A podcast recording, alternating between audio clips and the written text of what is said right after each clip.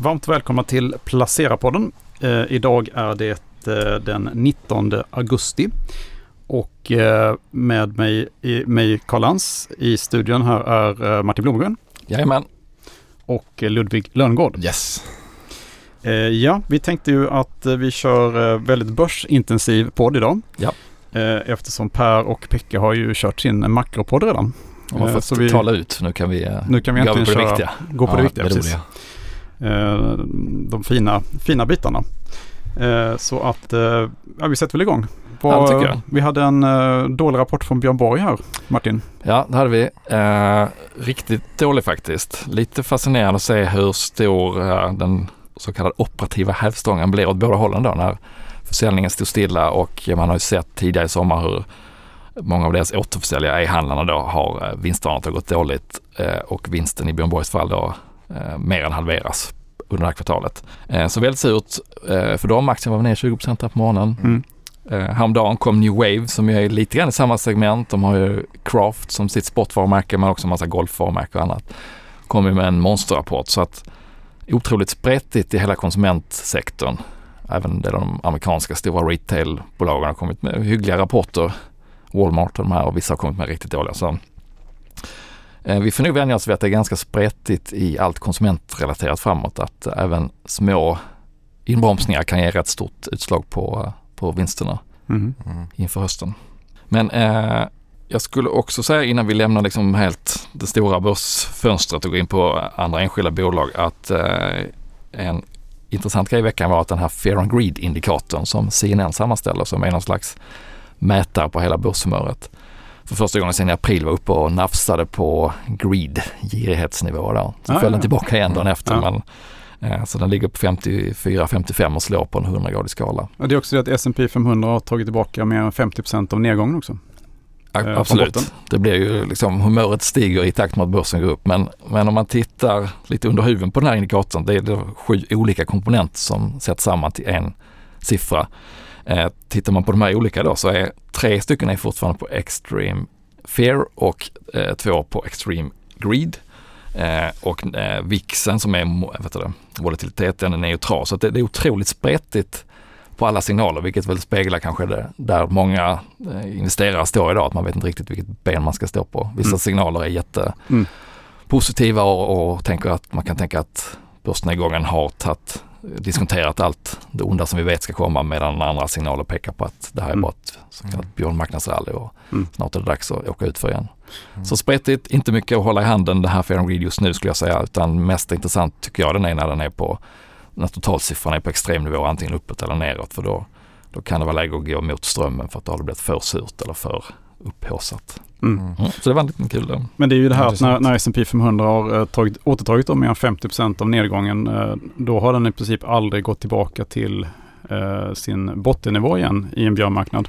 Så att det är i alla fall ett väldigt Det positivt är en tecken. positiv signal. Ja. Eh, Så att det är möjligt att vi får en sur börs här några veckor eller månader, men, men eh, det, tyder, det är i alla fall en indikation på att vi kanske inte går ner till den botten vi hade då. Just det. Nej, det det blir var väldigt spännande. Men, och det har vi ju pratat om i många poddar här. Hur, att det är mycket motvind och speciellt för konsumenterna. Men som måste ställas mot hur ser, ja, men hur mycket har börsen redan tagit ut av det här? Mm. Och det blir det som kommer att spela ut under hösten. Mm. Men eh, nu får vi snart Costco öppna upp här i Stockholm. eh, I, eh, i höst. Och de Det känns som bra timing eller? Det är väl det är väl lågkostnads Ja, livsmedel? det är ju eh, låg, det är liksom hög kvalitet då till relativt låg kostnad. Eh, så att eh, det är ju mer att eh, de pressar ju priserna väldigt mycket då på produkterna och man köper ju ofta storpack. Mm. Eh, och sen det de verkligen tjänar pengar på då det är medlemskapen då. Så Just att man, man, har, måste vara medlem för Det att få ja. eller? man har tre olika medlemskapsnivåer eh, och eh, där du betalar då en årsavgift eh, för respektive medlemskap. Eh, och eh, ja, det är det som verkligen då är, är intäktskällan, liksom, den stora Mm. intäktskällan Okej. för bolaget. Intressant. Och det har fortsatt att gå väldigt bra för dem. Och aktien är ju ja, ungefär 10% från all time high. Okej. Eh, de hade ju en bra dipp då när Walmart köpte sin vinstvarning. Så där skulle man ju ha slagit till egentligen då. Mm. Man, men det är relativt högt värderat. Eh, å andra sidan måste man säga då att de har ju alltid lyckats leverera liksom, eh, under de senaste tio åren. Så att de har jättebra management. Mm. Eh, och de gör nu sin utlandsexpansion. Då. Eh, så att eh, eh, ja, nu öppnar ju första varuhuset i Sverige då, men de, de finns ju liksom i eh, Ja, de finns ju på flera håll i Europa redan. Som Storbritannien har de redan 29 varuhus till exempel. Och Spanien 4, två i Frankrike. Ett på Island faktiskt. Finns redan. Mm. Och nu ska det öppna utanför Arninge i Stockholm. Men det är USA som är stora hemmamarknaden antar jag? USA är den stora hemmamarknaden, precis. Det är det. Eh, där har de ju 577 varuhus då. Så Ja. det är ju eh, överlägset störst. Men de är lite kända för det här att de eh, har schyssta villkor till de anställda också. De betalar högre löner än, än genomsnittet i handelsbranschen då. De vill behålla personal så mycket det går. Och kunderna också då gillar ju det här att det är bra kvalitet då till lågt pris. Eh, och kanske bortse lite grann från den här medlemskapsavgiften då. Eh, som då är, ja, ändå är relativt hög då. Liksom. Ja, det blir superintressant att se hur de klarar sig. Det har ju varit rätt så tufft för konkurrenter att komma in på svenska marknaden jämfört med många andra europeiska eh, marknader där ICA och Axfood med sin då Willys och Hemköp har kunnat hålla stången rätt så bra. Det är Coop som har varit den, den som alla har eh, tagit marknadsandelar från. Då. Och Lidl har väl klarat sig hyfsat men Netto blir ju liksom ingen succé. De, Det tog ju väldigt lång tid för Lidl att, bli lönsamma i Sverige. mm. Eh, så att det var ju ett väldigt, väldigt många år. Ett årtionde minst va? Men, Så att det blir nog inte en helt lätt, eh, lätt match. nej. Man får hoppas de har gjort hemläxan. Ja, nej, jag tänker när Amazon kom till Sverige också. Det har inte heller varit någon hit liksom. Nej, Eh, Men det är klart, i, i, timingen skulle kanske inte kunna vara bättre Mm. när alla drabbas av inflationen och matprisinflation och börjar leta alternativ. Mm. Och så kan de eh, komma in ridande då, Mm. precis när det händer. Mm. Ja, det blir spännande. Nej, I alla fall det är ju en aktie som, eh, det är egentligen en sån aktie som man vill äga långsiktigt. Eh, Men just nu är den lite dyr tycker jag. Så att det är en sån man ska plocka in då så fort vi får börsfall och sådär. Så kan man, Okej, så ingen klockren köp ingen utan klockenköp eh, men, men definitivt på- något man vill äga egentligen. på bevakningslistan. Ja, spännande. Ludde, vad har du kikat på? Ja, jag har ju kollat, jag snackar mycket om det här Match Group som håller på med, ja, de har ju de här varumärkena Tinder då och Hinge, alltså dating-apparna då. Jättedålig rapport va? Ja, det var inte någon rolig. Jag sa att jag ville köpa aktier i det men man blir ju tveksam nu med, efter den här rapporten. Eh, och det var ju den jag väntade på också. För det, förra rapporten för den här då så var det ganska skev guidning. Alltså väldigt svagt. Eh, och det här var inte heller något undantag. Eh, för man växte ju alltså omsättningen med 12 procent. Eh, vilket var bra. Men det som var den stora grejen, eller en av de större grejerna, det var att man gjorde en stor nedskrivning på det här eh, förvärvet man gjorde i fjol på HyperConnect. Eh, som är typ social discovery heter det. Alltså man mer ute efter att träffa vänner och sånt där och socialisera sig på nätet istället för att träffa en partner. Mm. Eh, och då vände man ju till rörelseförlust. Och det är inte så bra. Nej. Eh, så det var en av de stora grejerna då. Och det kunde man nästan kanske ana lite när eh, de bytte vd. De gjorde ett stort förvärv och sen bytte man vd. Det kan vara ett tecken på att något står riktigt fel liksom. Mm. Eh, och det den här integrationen av förvärvet gick inte bra. Man, har, man träffade inte managementet, managementet på HyperConnect för en, en månad sedan. Och det var ett år sedan man Mhm. förvärvade. Så det, jag förstår att det var liksom Ingen perfect match. Nej, det var ingen bra match kan man säga. Eh, och sen var det den här guidningen då de gjorde. Den motsvarar ju en negativ tillväxt på, om man tar det tredje kvartalet då, mot motsvarande period föregående år då. Så det växer ju ingenting nästan. Mm. Eh, och sen har vi en till negativ aspekt då.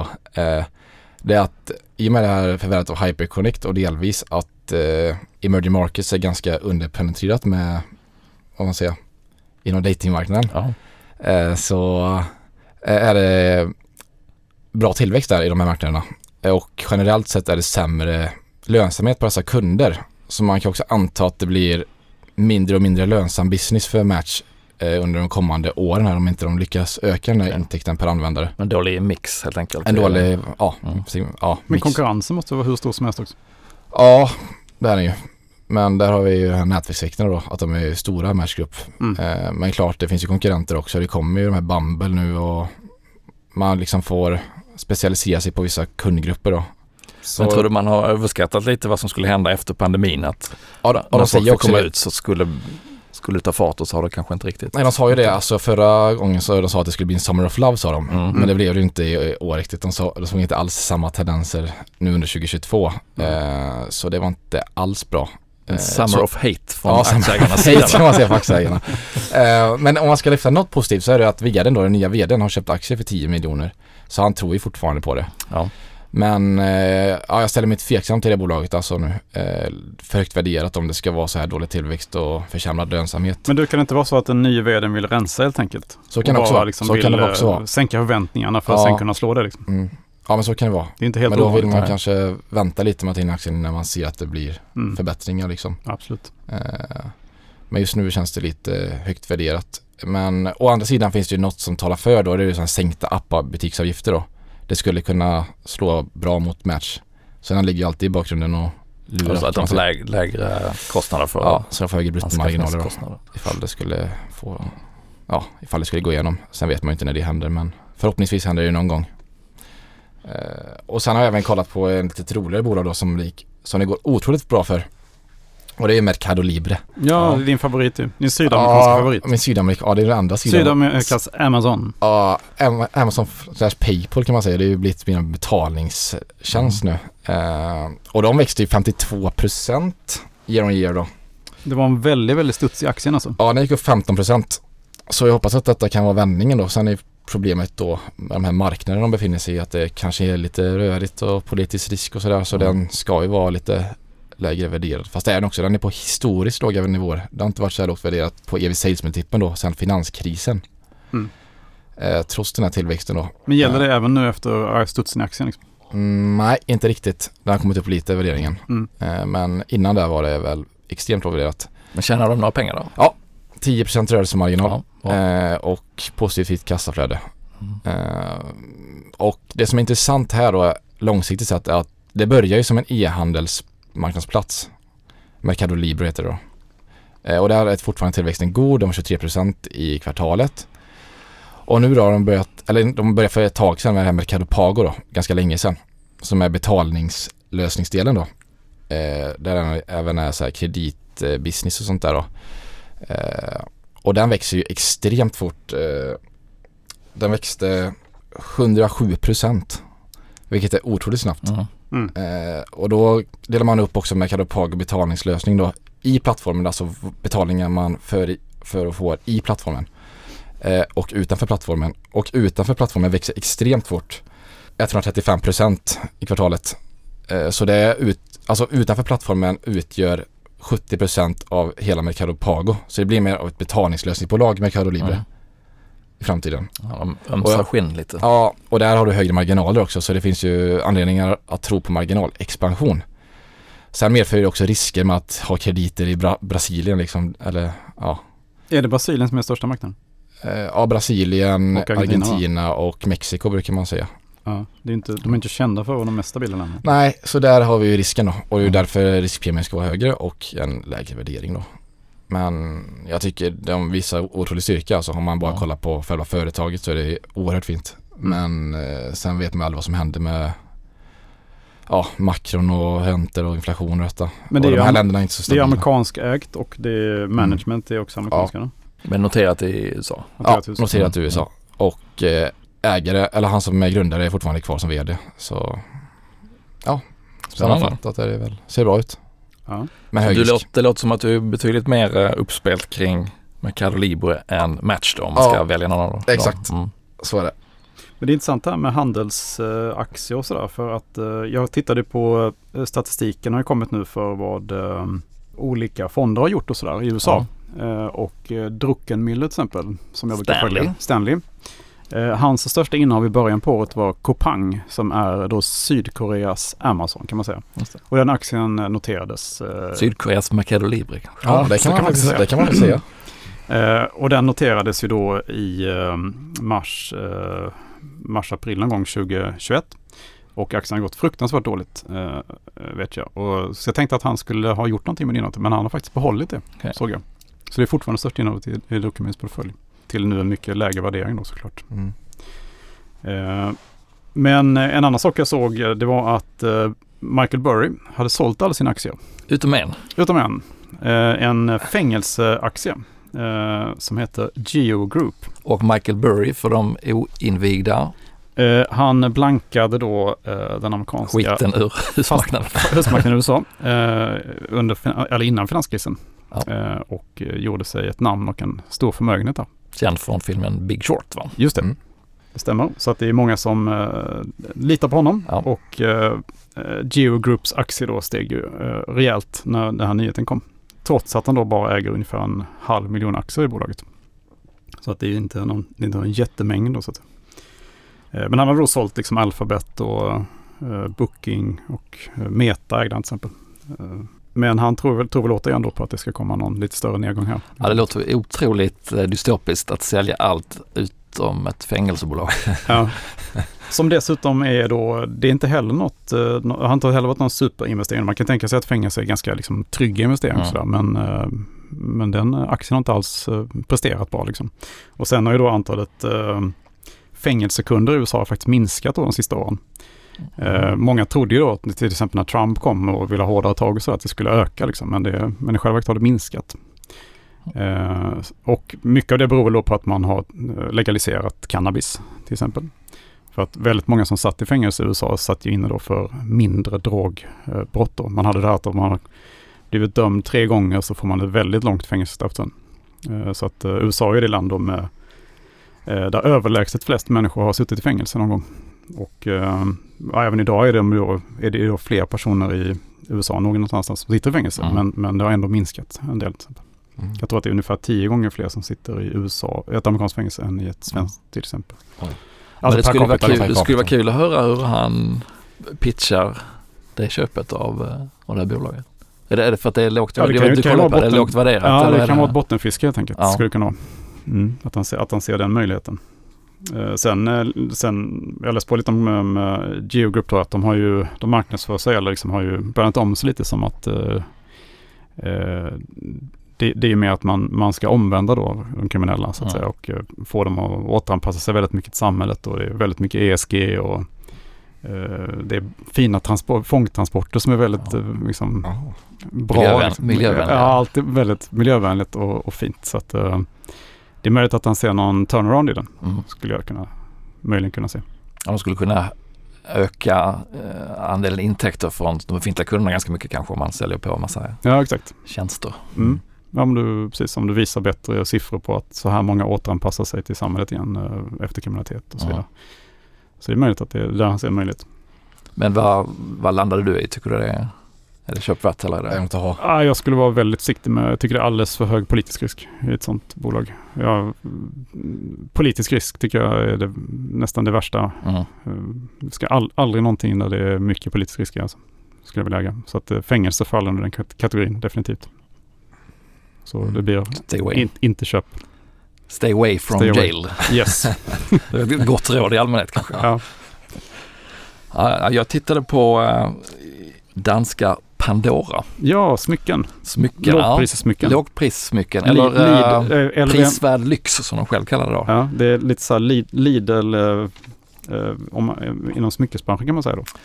Ja, det skulle jag nog nog inte vara helt nöjda med själv tror jag. utan Lite högre upp i, i hierarkin tror jag de skulle kanske. placera sig. Mm. Ehm, I så här Ica Selection kanske, Okej. eller vad de kallar det. Mm. Nej men det är ju eh, en supersuccé på många sätt, Eh, Pandora. Framförallt deras eh, liksom, första fasen i deras bolagsbygge är att de kommer med så armband med ballocker där man då köper till delar. Så man köper ett armband eller ett halsband och så, och så kan man då köpa till delar vilket ju skapar en, en återkommande kundkrets.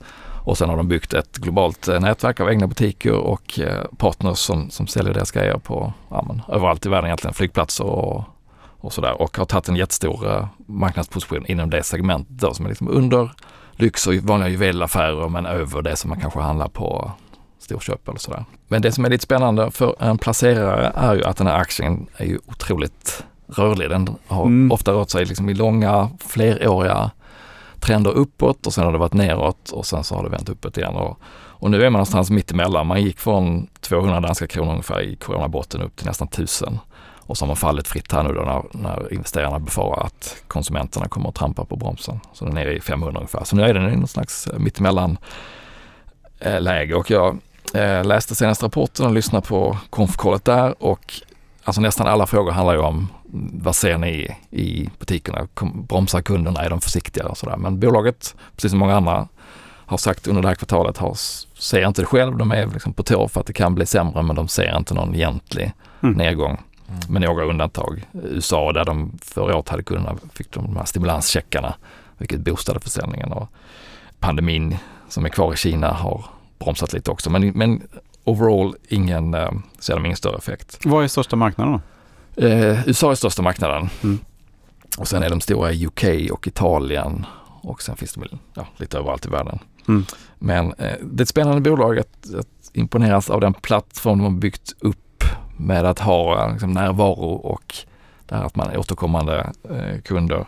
Och de har en jättespännande satsning på gång nu där de går in på diamantmarknaden. Mm. Så Med- odlar diamanter? Ja, precis. Med Mm. det som kallas för labbodlade diamanter. Ja, Alltså, spännande. Mm. där man eh, lager på lager bygger upp med en eh, ång, ångkemisk process så att man bygger diamanterna i, i ett laboratorium helt enkelt istället för gruvor. Och, eh, förutom att det blir mer prisvärt, man kan hålla lite lägre priser, så finns det ju en rätt så starkt hållbarhetsargument att man kan peka då på att man tillverkar dem eh, med förnybar energi och man kan framförallt peka på spårbarheten, vilket ju är ett problem ibland med diamanter, att man vill veta att de inte har brutits i en gruva eller på ett sätt som inte har varit okej. Och det blir nog en större och större fråga för den generationen som växer upp nu jämfört med tidigare. Mm. Så väldigt spännande satsning och där går de in i USA från och med nästa vecka. De har testat lite i England och eh, kör igång nu i USA och säger själva att de siktar på att det här ska kunna vara 5% av omsättningen. Så lågprisdiamanter alltså? Lågprisdiamanter, eh, 300 dollar är liksom instegsmyckena eh, smyckena på. Så att det är inte, det är inte superlågpris? nej, det är inte lågpris Nej. men det Nej. är i, i, eh, i nischen är Mm. det ju lågpris.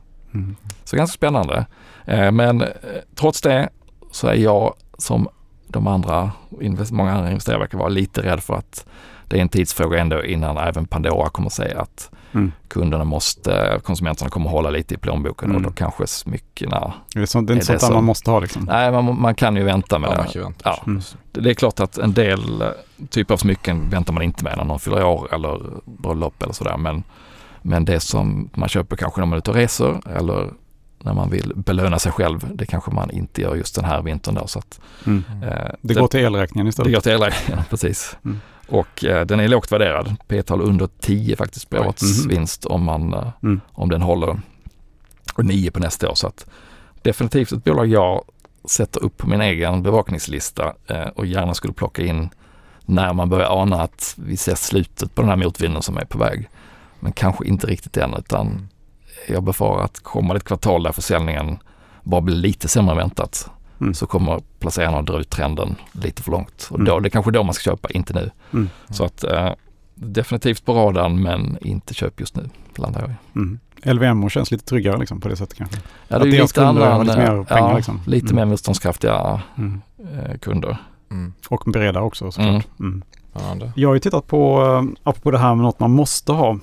Eh, jag har kollat på Tysklands eh, största telekomoperatör, eller teleoperatör, eh, Deutsche Telekom. Och eh, det intressanta är ju att de är ju eh, näst störst på den amerikanska marknaden också. Mm. Så att eh, via T-Mobile då, där de är majoritetsägare, eh, så har de 110 miljoner kunder i eh, USA. Och är på god väg att bli USAs största operatör faktiskt. Och det är lite Ja. sån här framgångssaga som ingen trodde var möjlig nästan. Eh, de har då Det var en tuff start va? ja det var ju på, redan på 90-talet då så kö- köpte de, startade de igång T-Mobile i USA Ja. som var, var ett jätteförluster liksom en lång tid. Och så sent som 2014 då när eh, nuvarande vd tillträdde, Tim Höttges då, eh, så har han sagt att eh, storägaren då eh, vill att göra det av med den amerikanska delen. Liksom. Men eh, sen har de haft då, nu har de haft totalt 40 kvartal med tillväxt eh, i rad. Eh, och eh, de slogs ihop med, med Sprint då eh, i USA. Och det har varit en, en framgångssaga helt enkelt. Så att Defensivt. def, jättedefensivt. Mm. Något, det där kommer man, inte, man kommer inte att dra ner på sin kommunikationsbudget under några omständigheter egentligen. Nej. Och de växer samtidigt. Alltså de växer ju dels på den amerikanska marknaden då, men, men växer även i Tyskland då, där de är totalt dominerande. Eh, Deutsche Telekoms varumärke i Tyskland är, är Tysklands näst mest värdefulla varumärke efter Mercedes. Det tror man inte, alltså före Ja. Volkswagen till exempel. Och Mm. Adidas, Puma. Eh, Före Lidl. Före Lidl också. Ja. Så att eh, väldigt, väldigt starka då. både i Europa och i, i USA då. Men eh, det är framförallt kanske det intressanta då i den amerikanska marknaden. Just för att Ja. eh, den är ju... Eh, problemet med Europa då är lite grann att du har liksom olika lagstiftning. Du har 500 miljoner eh, konsumenter men du har liksom 27 olika länder med olika lagstiftning. Eh, vilket gör det då lite mer komplicerat. Plus att europeiska politiker gärna vill att eh, pressa priserna också. Ja. Eh, Så du har ju till exempel ingen roaming och sånt där i Europa. Och, eh, medan USA är mer, mer enklare då. eh, Säger de. Enklare att växa och enklare att tjäna pengar på. Liksom. Så att jag tycker Deutsche Telekom är ett jätteintressant bolag. Särskilt på den här värderingen. Så- det man får egentligen då är ju ett, ett amerikanskt växande, en amerikansk växande teleoperatör. Liksom. Eh, Är det, hur är direktavkastning och sådär? Det brukar ju vara ett rätt bra argument för. Ja, den ligger Den ju på, av- mm, inte riktigt, eh, 3,7 procent någonting. Ja. Vad det just nu tror jag. Eh, Så att, eh, och den är ju väx, växande vinst liksom. Sen har det varit lite då, frågat, tidigare år då, lite frågat kring skuldsättning och så här, men jag tycker det ser, ser Mm. bra ut nu. Mm. Någonting för den försiktiga. Det är definitivt något för den försiktiga. Eh, faktiskt, ja. Det är väl det enda är kanske då om man nu tycker att eh, kronan är väldigt, väldigt lågt värderad. Uh, gentemot euron Ja. och dollarn då. Eh, så det kan ju vara negativt då. Man får lite valutarisk på köpet. Ja, du får ju en valutarisk där på det sättet. Mm. Och möjlighet. Och möjligt såklart. Spännande. Eller ospännande, Ospännande. men, men eh, intressant. Ja. Ja. Det är väl som ett alternativ till att ha pengar i kassan då. Ja. också, I alla fall. Ja. ja, men det är en annan, en annan grej som har hänt under sommaren är ju att det har varit en hel del utköp, speciellt i början på sommaren. Ja, och, Hal, Haldex på väg bort nu. ja. är det inte lite skambud också som går igenom också? I Jo, men jämfört, jämfört med toppnivåerna som Ja. kursen har stått i så är det det. Så det, Mm. det märks ju att värderingarna har kommit ner där det börjar bli attraktivt för, inte minst för industriella köpare då, som kanske har sneglat på någon Mm. mindre konkurrent länge. Och det kommer vi säkert se, se mer av. Mm. Eh, Så jag gav mig på att försöka sammanställa en lista på de, eh, kanske inte nödvändigtvis de tio mest troliga, men tio hyggligt Mm. troliga Mm, mm. uppköpskandidater på, Mm. På Stockholmsbörsen. vad ser du då för någonting? Ja, men det- är ju några där det väl, man kan säga att det redan eh, finns rätt tydliga indikationer på att det kan hända. Som Nordic eh, Waterproofing. Mm. Där ett irländskt bolag som heter Kingspan har gått in och köpt, eh, jag tror de ligger på 24 procent av aktierna nu. De köpte Svollus Post och de köpte Robus Post som de sålde. Så den aktien har ju redan gått för här känner man ju lukten av bud Mm. lång väg. Så att om det kommer ett bud från Kingspan som är större inom samma, mycket, mycket större inom samma sektor så att det skulle liksom vara rätt naturligt att de Mm. köpt ut det och, och integrerar helt. Kommer det ett bud där så är det ju kanske inte jättemycket potential kvar nu eftersom kursen har gått. Men den är väl en av de mer troliga då. Och sen finns det eh, Kindred, game, iGaming, eh, eh, bettingbolaget som ju äger Unibet, varumärket. Eh, de har fått in en ny storägare som heter Corvex Mhm. som har varit rätt så öppna med att de tycker att, eh, att eh, Kindred ska utvärdera alla alternativ inklusive att sälja sig själv till någon annan. Och de har nu 15 procent av aktierna så det är väl också en sån där hyggligt, uh, hyggligt rolig kandidat. Men eh, det finns ju många fler. Eh, Kambi till exempel som är en avknoppning från Kindred som ju gör då eh, säga, underleverantör av sportboken. Mm. Och deras planer var ju att de skulle då bli underleverantör till jättemånga andra operatörer och det var de till att börja med men nu har många operatörer valt att själva plocka in sportboken och köpt andra bolag så att affärsmodellen är lite i gungning och aktien har gått jättedåligt. Eh, och, och det fanns en kop stark koppling tidigare mellan Kindred och Kambi i form av en, en konvertibel som nu är, kan lösas upp så att det här giftpillret som fanns är inte så starkt längre utan det också gör att Kambi är lite mer öppet för uppköp. Um, Academedia skulle kunna vara en kandidat. Uh, apropå politisk risk. Ja, jag tänkte också det. Hög, Ja, hög prisrisk. hög. Ja, äger massa skolor och inför valet här har ju sossarna gått rätt så hårt ut med att de Mm. vill ha bort privata eh, vinstdrivande aktörer från skolan. Och det är ju Mellby Gård med Rune Andersson som, eh, som är storägare där. De har gjort uppköp tidigare, de köpte ut Kappahl en gång i tiden för inte så många år sedan. Eh, och vi har sett att både de här Att växa förskola och Engelska skolan har köpt ut nyligen så att det, det finns en trend i sektorn också att storägarna tröttnar på att de inte får någon värdering att tala om på börsen och köper ut dem. Mm. Eh, så det är några exempel även på mobilspelsfronten, MTG och Stillfront, rätt så heta kandidater. Eh, Munters skulle Mm. kunna vara en kandidat när de börjar få ordning på torpet igen. De blev ju utköpta en gång Mm. i tiden. Mm. Budstrid mellan Nordic Capital och Alfa Laval var det väl. Och så kom de tillbaka för några år sedan, gick inte jättebra men Nej. nu har de fått lite svung på det igen. Skulle också kunna vara intressant för en större aktör. Um, Concentric som är en Haldex-syskon då. Sista Haldex-syskonet kvar efter att Traction och Haldex har försvunnit. S- eh, skulle också kunna vara ett eh, alternativ för utköp. Core, ja det var nog de tio jag Det är ISS som Vaskade kan dem fram. Core. ISS verkar ju skala ner lite sin eh, expansion Mm. så att eh, det kanske, kanske mer Sodexo eller någon, Mm. någon av den typen. Eller någon riskkapitalist för att det är, ett, det är ju lite en våt dröm för riskkapitalister. Stabil verksamhet, eh, bra kassaflöde, lite missförstått kanske på börsen. Mm. Ehm, skulle gå att plocka ut. Mm. Och ingen, ingen eh, storägare som, som bromsade med ett av de här herrelösa bolagen utan en ägare med mer än 10 Mm. Så att där är tio kandidater. Det skulle faktiskt förvåna mig lite om inte minst en av de här är uppköpta Mm. innan, Mm. ja, innan årsskiftet. Äger du någon av dem eller? Eh, äger någon av de här? Nej, det gör jag inte. Nej. Mekonomen petar jag också in på listan. Ja. Mm. Som redan har en, en stor amerikansk eh, industriell ägare som har varit storägare länge. Lite oklart varför de nöjer sig med det eftersom de i sina andra förvärv oftast har köpt upp hela bolagen. Mm. LKQ heter de. Mm. En skulle också kunna slå till och plötsligt köpa ut hela. Mm. Nej, jag äger inte, jag måste tänka efter här nu. Nej, jag äger inte någon av de här. Kanske skapa en liten uppköpsportfölj nu. Ja, det tror jag faktiskt inte skulle vara helt eh, dålig avkastning om man köpte alla de här tio. Mm. Sen så ska man väl säga att det, det är sällan ett bra argument att köpa något enbart på det här om man inte ja, är liksom på det spekulativa, eh, spekulativt lagd. Utan helst ska man ju säga att det finns en uppköpschans men det ska också liksom bära sig på egna ben. Mm. Så att Mm. uppköpsmöjligheten blir lite En av en option. Ja, det blir en bonus. Det blir liksom grädde på moset om det, Mm. om det blir så. Och det kan ju, det kan ju bara, att möjligheten finns kan ju lyfta värderingen. Så att eh, det finns alla anledningar att titta på Mm. Hur snacket går kring uppköp tycker jag, även om man inte sitter och hoppas på det. För det kan ju, det kan ju vara så att man ser jättemycket högre värde än vad budet kommer på. Mm. Om man tittar 5-10 år framåt. Så att, Mm. eh, Det, det är lite det problemet jag har sett med de här amerikanska bolagen som blivit uppköpta i min portfölj. Att, eh, jag tycker de har, eh, det är riskkapitalbolag då som har fått eh, kommit över bolag rätt billigt där tycker jag. ja. Vilka, vilket var det nu igen som du... Avalara till exempel. Avalara. Ja, jag tycker också det. Ping Identity är ett sånt bolag också jag hade som är Just det, var cybersäkerhetsbolag. samma eh, den PR-firma är- som köpte dem faktiskt. Ja, Mm. de är inte på Tlamhaj heller nu. Men Mm. budet var ju 60, jag tror det var över 60% premie. Så det var ändå bra bud men det är ju klart Mm. under Mm. all time high. Ja. Mm. På tal om egna aktier, Ja. hur, eh, hur har ni själva agerat sista tiden? Jag har sålt Bure i somras Ja. när jag var ledig. Eh, och så har jag köpt lite bevakningsposter i, eller bevakningspost i Hansa. Ja. Och Snowflake eller? Ja, och Snowflake. Eh, Ja. Men Hansa är väl tesen att det är globalisering kommer att ske.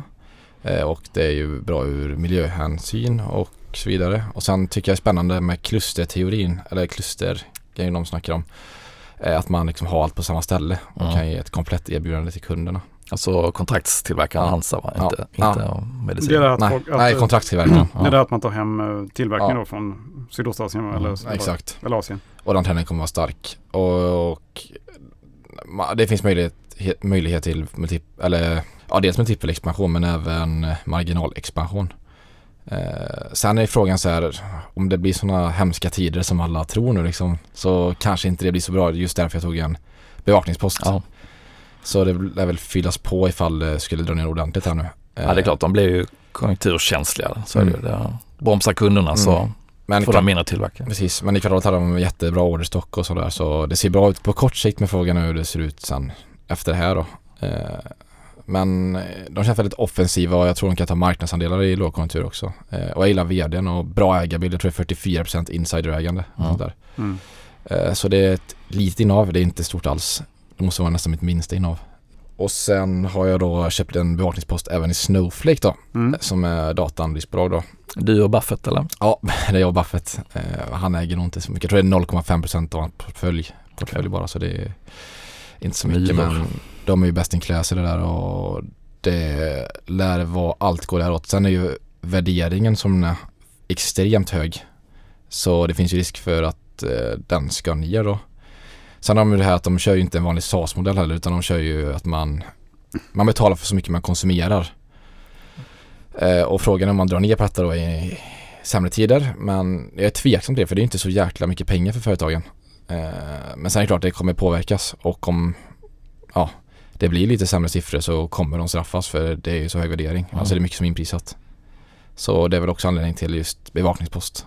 Den har ju gått ner ganska rejält men den är ju fortfarande väldigt dyr. Mm. Med väldigt fina nyckeltal och bra operating leverage. Mm. Lansen? Eh, Jag har eh, köpt tillbaka Twilio. eh, Som då är kommunikationstjänstbolag. De konkurrerar mot Sinch. Just det. Men till skillnad från Sinch så uppvisar de fortfarande väldigt bra tillväxt. Då. Växer med 30% ungefär. Och lovar att de kommer fortsätta växa så. Har de också slaktats på börsen eller? Ja, herregud. Nu Är det Sinch typ? Nej, jag tror Sinch är värre faktiskt. Eh, Den här är väl kanske ner 70% på året. Ja. Men eh, jag har ägt den tidigare och eh, sålt den då. Eh, men hoppar in igen nu igen. Ja. Eh, de har väl mål att vara gå break-even 2023 har de sagt. Eh, den, de lämnar rapport nu och då föll den på rapporten faktiskt. Och eh, anledningen till att den föll var att marknaden var, tyckte inte att de riktigt följer det målet att gå break-even 2023. Då. Men samtidigt ser det ju jättebra ut på andra parametrar. Liksom. Eh, särskilt tillväxtbiten. Då. Eh, så den har jag handlat. Sen eh, har jag då sålt Avalara eftersom det var bud på dem. Och man tror väl inte att det kommer något högre bud helt enkelt. Eh, det är då lite amerikanska Fortnox kan man säga. Åt det hållet. Nej, annars så ligger jag kvar. Jag har ju mina, min exponering mot Salesforce. Det blir spännande här nästa vecka. Då har de rapport. Ja. Eh, sen har jag ju min exponering mot eh, Cyber Security då som eh, hittills har varit väldigt stabilt. Och eh, det hoppas jag att det fortsätter. Palo Alto är de största där. Har du gjort någonting? Jag har gjort lite, eh, tatt, faktiskt tagit ner lite exponering mot börsen efter den här starka sommaren. Ehm, så jag har sålt i Electrolux Mm. på förlust men den har åtminstone studsat upp en hel del här. Mm. Eh, det är ju en billig nivå på lång sikt men det kan bli seg väntan befarar jag. Den är väldigt om- blankad alltså. Ja, då har det varit ett tag. Alltså, nu går ju stålpriserna ner så det blir ju kanske en lite lättnad. Men samtidigt, rapporten var rätt dålig och det kan ju bli så att om husmarknaden börjar frysa till ordentligt så, så är det ju ett segment där de hämtar en del intäkter från ny produktion och att man, ja, men ju mindre rörlighet på husmarknaden desto mindre utbyte av eh, frysar och kylar och spisar. Man byter ju när det går sönder men Mm. man byter också kanske när man flyttar eller när Mm. man köper nytt Mm. hus eller eh, lägenhet. Så att ja, jag är egentligen, eh, är man långsiktigt tror jag inte man ska lämna egentligen men jag skakar loss lite cash där och parkerar. Och så har jag också sålt i eh, Hexatronic Mhm. Mm. som jag gick in i i början på året och eh, de har ju gått urbra här under Ja, sommaren och kom precis. först med en omvänd vinstvarning och sen rapport som bekräftade det. Fib- De säljer ju fiber och lägger ut fiberkabel och det går ju väldigt bra men värderingen är därefter. Eh, Så att jag tar hem en bra vinst där, det är man inte så bortskämd med i år. Nej, verkligen inte. Eh, och så har jag minskat lite i Volvo. Inte så mycket men där är kvar långsiktigt. Eh, Det är låg värdering och Mm. bra direktavkastning och de Mm. kommer ju att Och de slår väl Scania lite på fingrarna? Ja det gör de, Mm. punkt efter punkt. Mm. Och kommer ju ta sig igenom det här. Eh, Men eh, ja, man dragit ner exponeringen lite helt enkelt. Mm. Inför Du är redo för nya, nya köp liksom. Ja, jag skulle inte säga att, jag, att det är mitt huvudscenario att det blir men eh, jag känner att eh, jag vill gärna vara lite, Mm. lite beredd ifall det kommer en ny eh, ordentlig körning alltså. neråt. Mm. Så att, eh, sitter kanske på närmare 30 kassa. Oj, det är mycket. Ja, det är mycket. Så jag är redo. Mm. Bring it on. men eh, ja, ska vi ta helg och eh, Ja, tacka för ännu Mm. ett, ännu, att ni har lyssnat på ännu ett avsnitt. Yes. Trevlig helg. Trevlig helg. Hej. Hej.